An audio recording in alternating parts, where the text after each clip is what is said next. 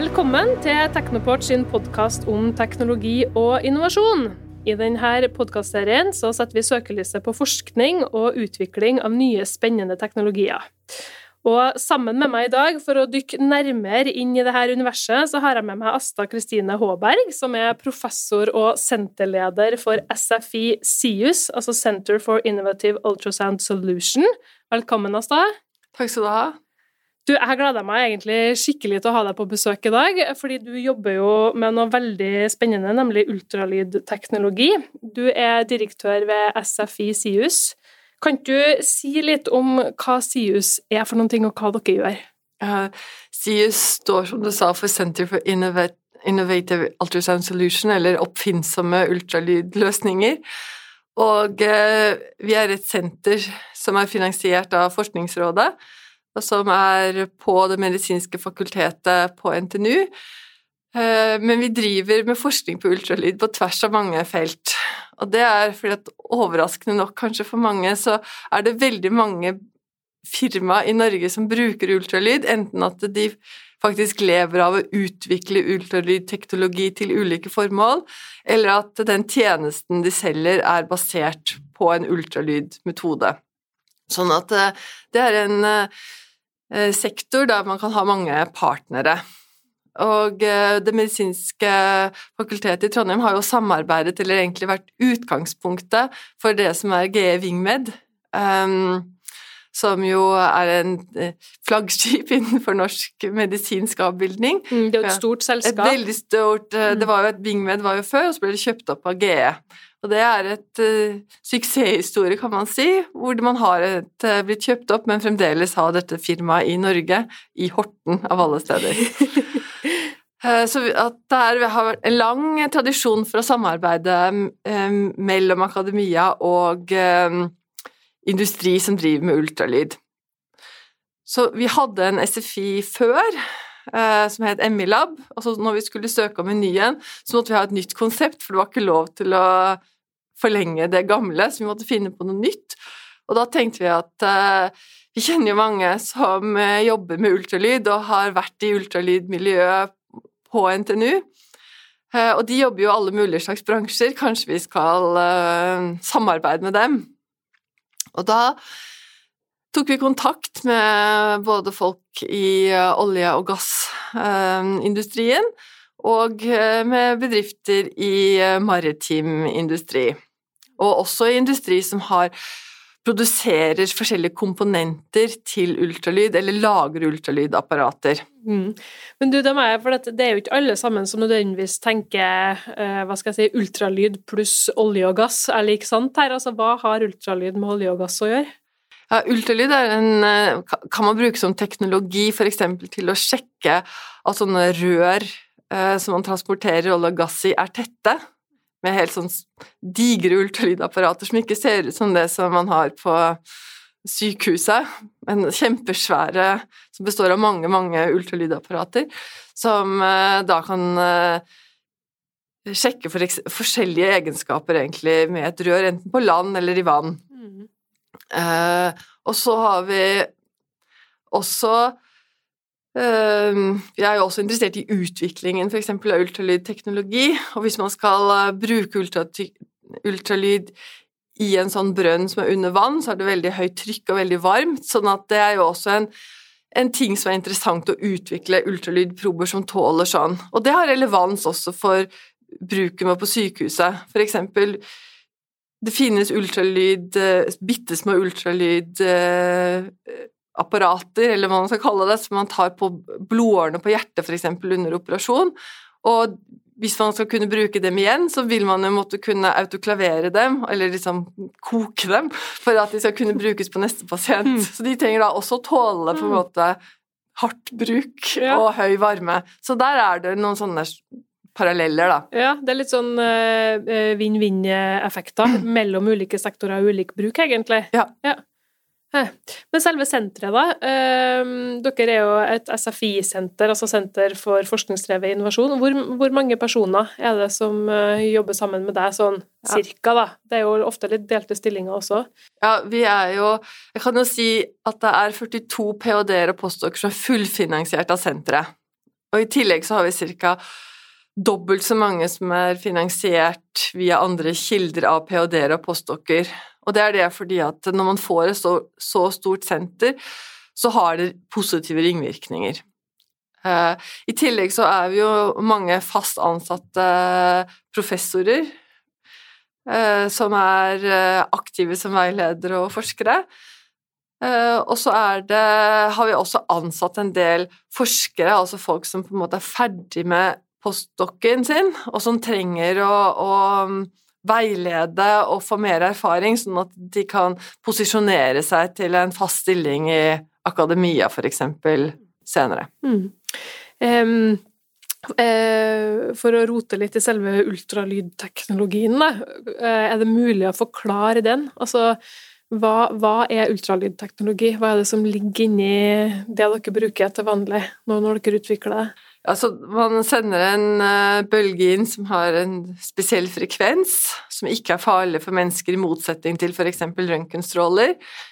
Og uh, så reflekterer vevet eller røret eller hva det nå skal være, mm. denne bølgen tilbake, og så er det en sånn liten elektronisk ting inni der som fanger opp eh, disse bølgene og gjør det om til behandler det signalet, og så kan man f.eks. gjøre det signalet til et bilde, eller til å se f.eks. Eh, eh, bevegelse. Mm. Det er jo der eh, det er én type teknologi da, som blir viktig for flere typer sektorer. Altså, en del andre forskningsmiljø jobber jo veldig tverrfaglig med mange forskjellige teknologier, mens hvis jeg forstår det rett, så er det ultralydteknologien som ligger til grunn her, og så jobber man med flere sektorer på tvers eh, som har overføringsverdi til hverandre. Ja, og det tror jeg er en fordel med vårt senter, at vi faktisk og det er også et bevisst valg, at vi ikke har noen som eh, er i det konkurrerende markedet. De er alle sammen komplementære og ønsker å bruke på det som utvikles i senteret på ulike måter. Mm. Så har dere jo mange partnere, da. Altså, du selv eh, kommer jo fra NTNU, men her er det jo mange som er med i det gode selskap fra offentlig, privat sektor og industri.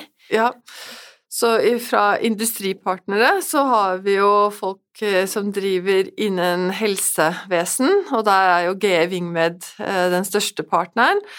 Og så er det noe som heter Exact Therapeutics, som før het Phoenix Solution, som kanskje folk har hørt om. Det er også veldig spennende. Det er hvordan man kan bruke ultralyd til å få medikamenter inn i vevet på den plassen der hvor sykdommen er, f.eks. kreft er.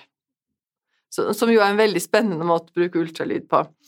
Og så har vi Medistim, som er et annet uh, firma som har disse små uh, ultralydprobene som man f.eks. bruker under operasjon, og også andre, mange, andre eh, produkter, selvfølgelig. Og så innenfor olje og gass er det Equinor, Halfwave, Sensorlink og BTC Archer.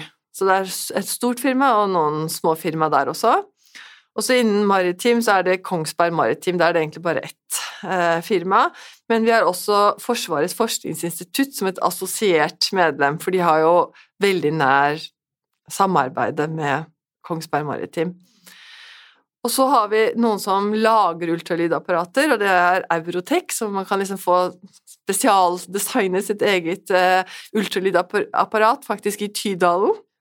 Det er jo ganske fantastisk at vi har sånn industri her i Trøndelag. Og så er det Xfab, som er verdens største produsent av den elektronikken som, kan, som går inn i mye forskjellige ting, men også inn i, i uh, ultralydapparater. Så det er liksom fra er Tydalen til, til, Tyskland? Ja. ja. eh, og så har vi jo partnere i helsevesenet, og da er det selvfølgelig Helse Midt-Norge eh, for hele Trøndelag og Midt-Norge. Så har vi Vi har f.eks. en utpost i Ålesund, hvor vi har en forsker. Eh, sykehuset, spesielt hjerteavdelingen på sykehuset. Og så er det Helse Nord-Trøndelag, hvor det både er Levanger sykehus og Innherad og Verdalen kommune. Og der er det jo I kommunene så er det spesielt utprøvning av, av sånn lomme sånn Små ultralydapparater som man kan ha med seg rundt, og f.eks. på et sykehjem, for å kunne avgjøre ting som man slipper å sende pasienter til sykehuset, f.eks. Eh, og for å prøve å finne ut av hvordan man kan fastlegene f.eks. kan bruke ultralydteknologi til uh, å gjøre uh, undersøkelser, enten alene og, sende, og tolke det selv, ved at vi bruker sånn AI-teknologi inni apparatene, sånn at man får en slags automatisk diagnose, på en måte. Eller i hvert fall noen mål, noen rette mål som man kan bruke til å diagnostisere. Ja, litt sånn beslutningsstøttesystem, da, egentlig. Ja. ja. Uh, og så uh, selvfølgelig at man kan enten sende bildene over og få dem tolket, eller at man kan gjøre det i en sånn slags online web telekonferansetype løsning sammen med en spesialist på sykehuset. Det her høres jo veldig spennende ut. Jeg har jo hørt tidligere om eksempler hvor man har eh, altså, eh, måttet ha kjørt uh, røntgenbilder og ting som har vært i, omtrent i taxi mellom de ulike sykehusene og regionene, men teknologien her er jo med på å bidra til et veldig mye bedre tilbud, selvfølgelig, for pasienter eller innbyggere, men også et veldig mye bedre arbeidsverktøy for dem som jobber med det, tenker jeg. Ja, men nå må jeg si at eh, faktisk Trøndelag har vært et uh, utrolig foregangsregion i Norge når det gjelder samarbeid mellom sykehusene. sånn at uh, i Oslo så har man det kjørt rundt bildene, men det har man ikke i Trøndelag på mange tiår. men da er det jo én ting Oslo kan lære av oss her, da, med hjelp fra teknologien som vi har, tenker jeg. Men du har jo lista opp veldig mange spennende partnere her. Hva er motivasjonen til de her partnerne for å bli med i et uh, senter for forskningsdrevet innovasjon? Ja. Alles motivasjon er jo at de skal få noe ut av det, uh, men akkurat hva det er de skal få ut av det, er ganske varierende. Uh, og kommer også litt an på hvor mye erfaring de har med samarbeid med akademia. Det er mye lettere for en partner som har erfaring med samarbeid med akademia, å vite hvordan de skal hjelpe hjelpe forsk forskerne i akademia å rette forskningen mot de forskningsspørsmålene som er viktige for deres bedrift. Uh, og det er også mye lettere for dem å kunne avgjøre om uh, forskning som kommer ifra uh, akademia passer inn hos dem, og hva som eventuelt må gjøres for at det skal være aktuelt for dem å bruke, hvor stort markedet er for det osv. De har mye mer muskler generelt.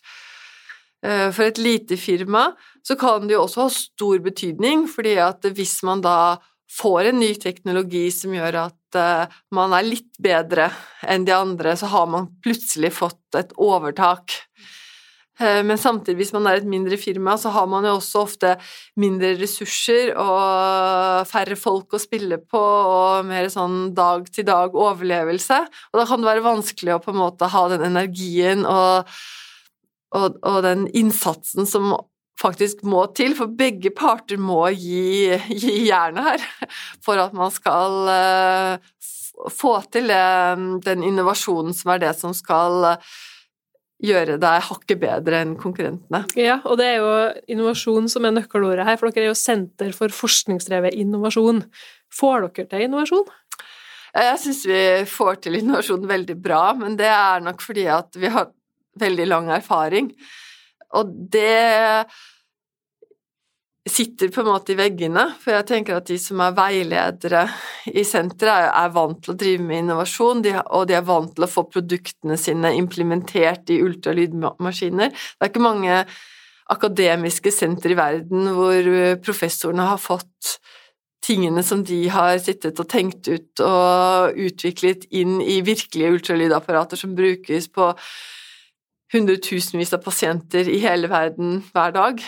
Uh, og det er jo veldig sånn motiverende, tenker jeg. At det er veldig sånn spennende og, og fint å vite at uh, man, uh, man er nærme det å forandre livet til noen, eller bedre diagnostikken og, og sånn.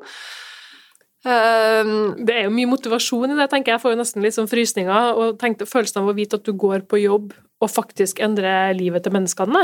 Ja, så det tenker jeg er veldig motiverende for folk.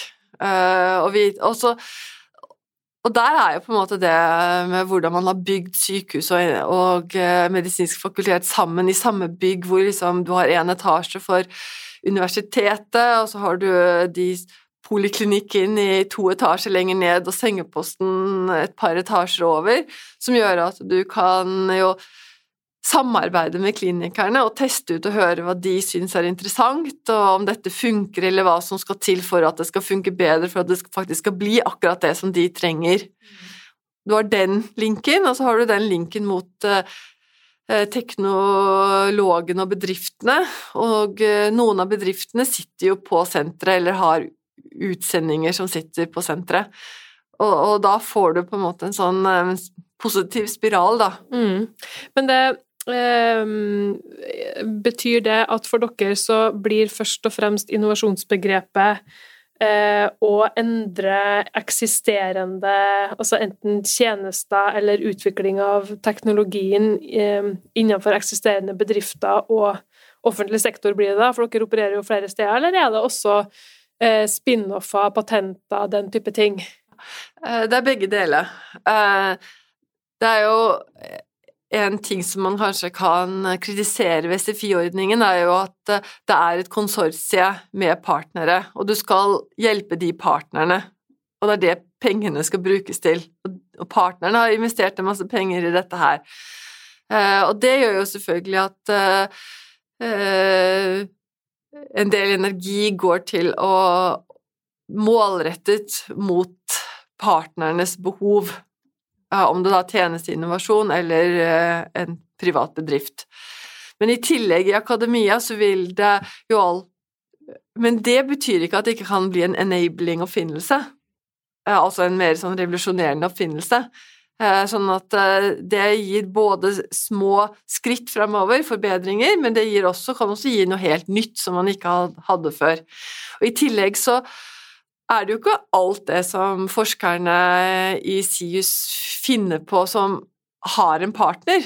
For kan, man tenker jo på forskjellige ting og kommer opp på forskjellige ting. Så en av professorene, han Hans Torp, som jo har drevet og funnet opp ting siden 70-tallet, han har jo funnet opp en, en, måte å se på blodstrøm på, en helt ny måte å se på blodstrøm på, som ingen av partnerne egentlig er interessert i, og han har laget sitt eget firma. Mm, det er den Doppler Det er den Doppler, ja. det er den mm. Simon Medical. Og så har vi for eksempel uh, studentene de, Vi nevnte ikke alle de akademiske partnerne vi har eh, i SIUS, for vi er jo ikke Vi er NTNU, men så har vi også Universitetet i Sørøst-Norge som driver med produksjon og design av sånne prober til ultralydapparater. Og så er det Universitetet i Oslo, for de har veldig mye erfaring med sånn sonar, som jo også er på en måte i spekteret av ultralyd, da. Og de i Eh, på USN, eller Universitetet i Sørøst-Norge.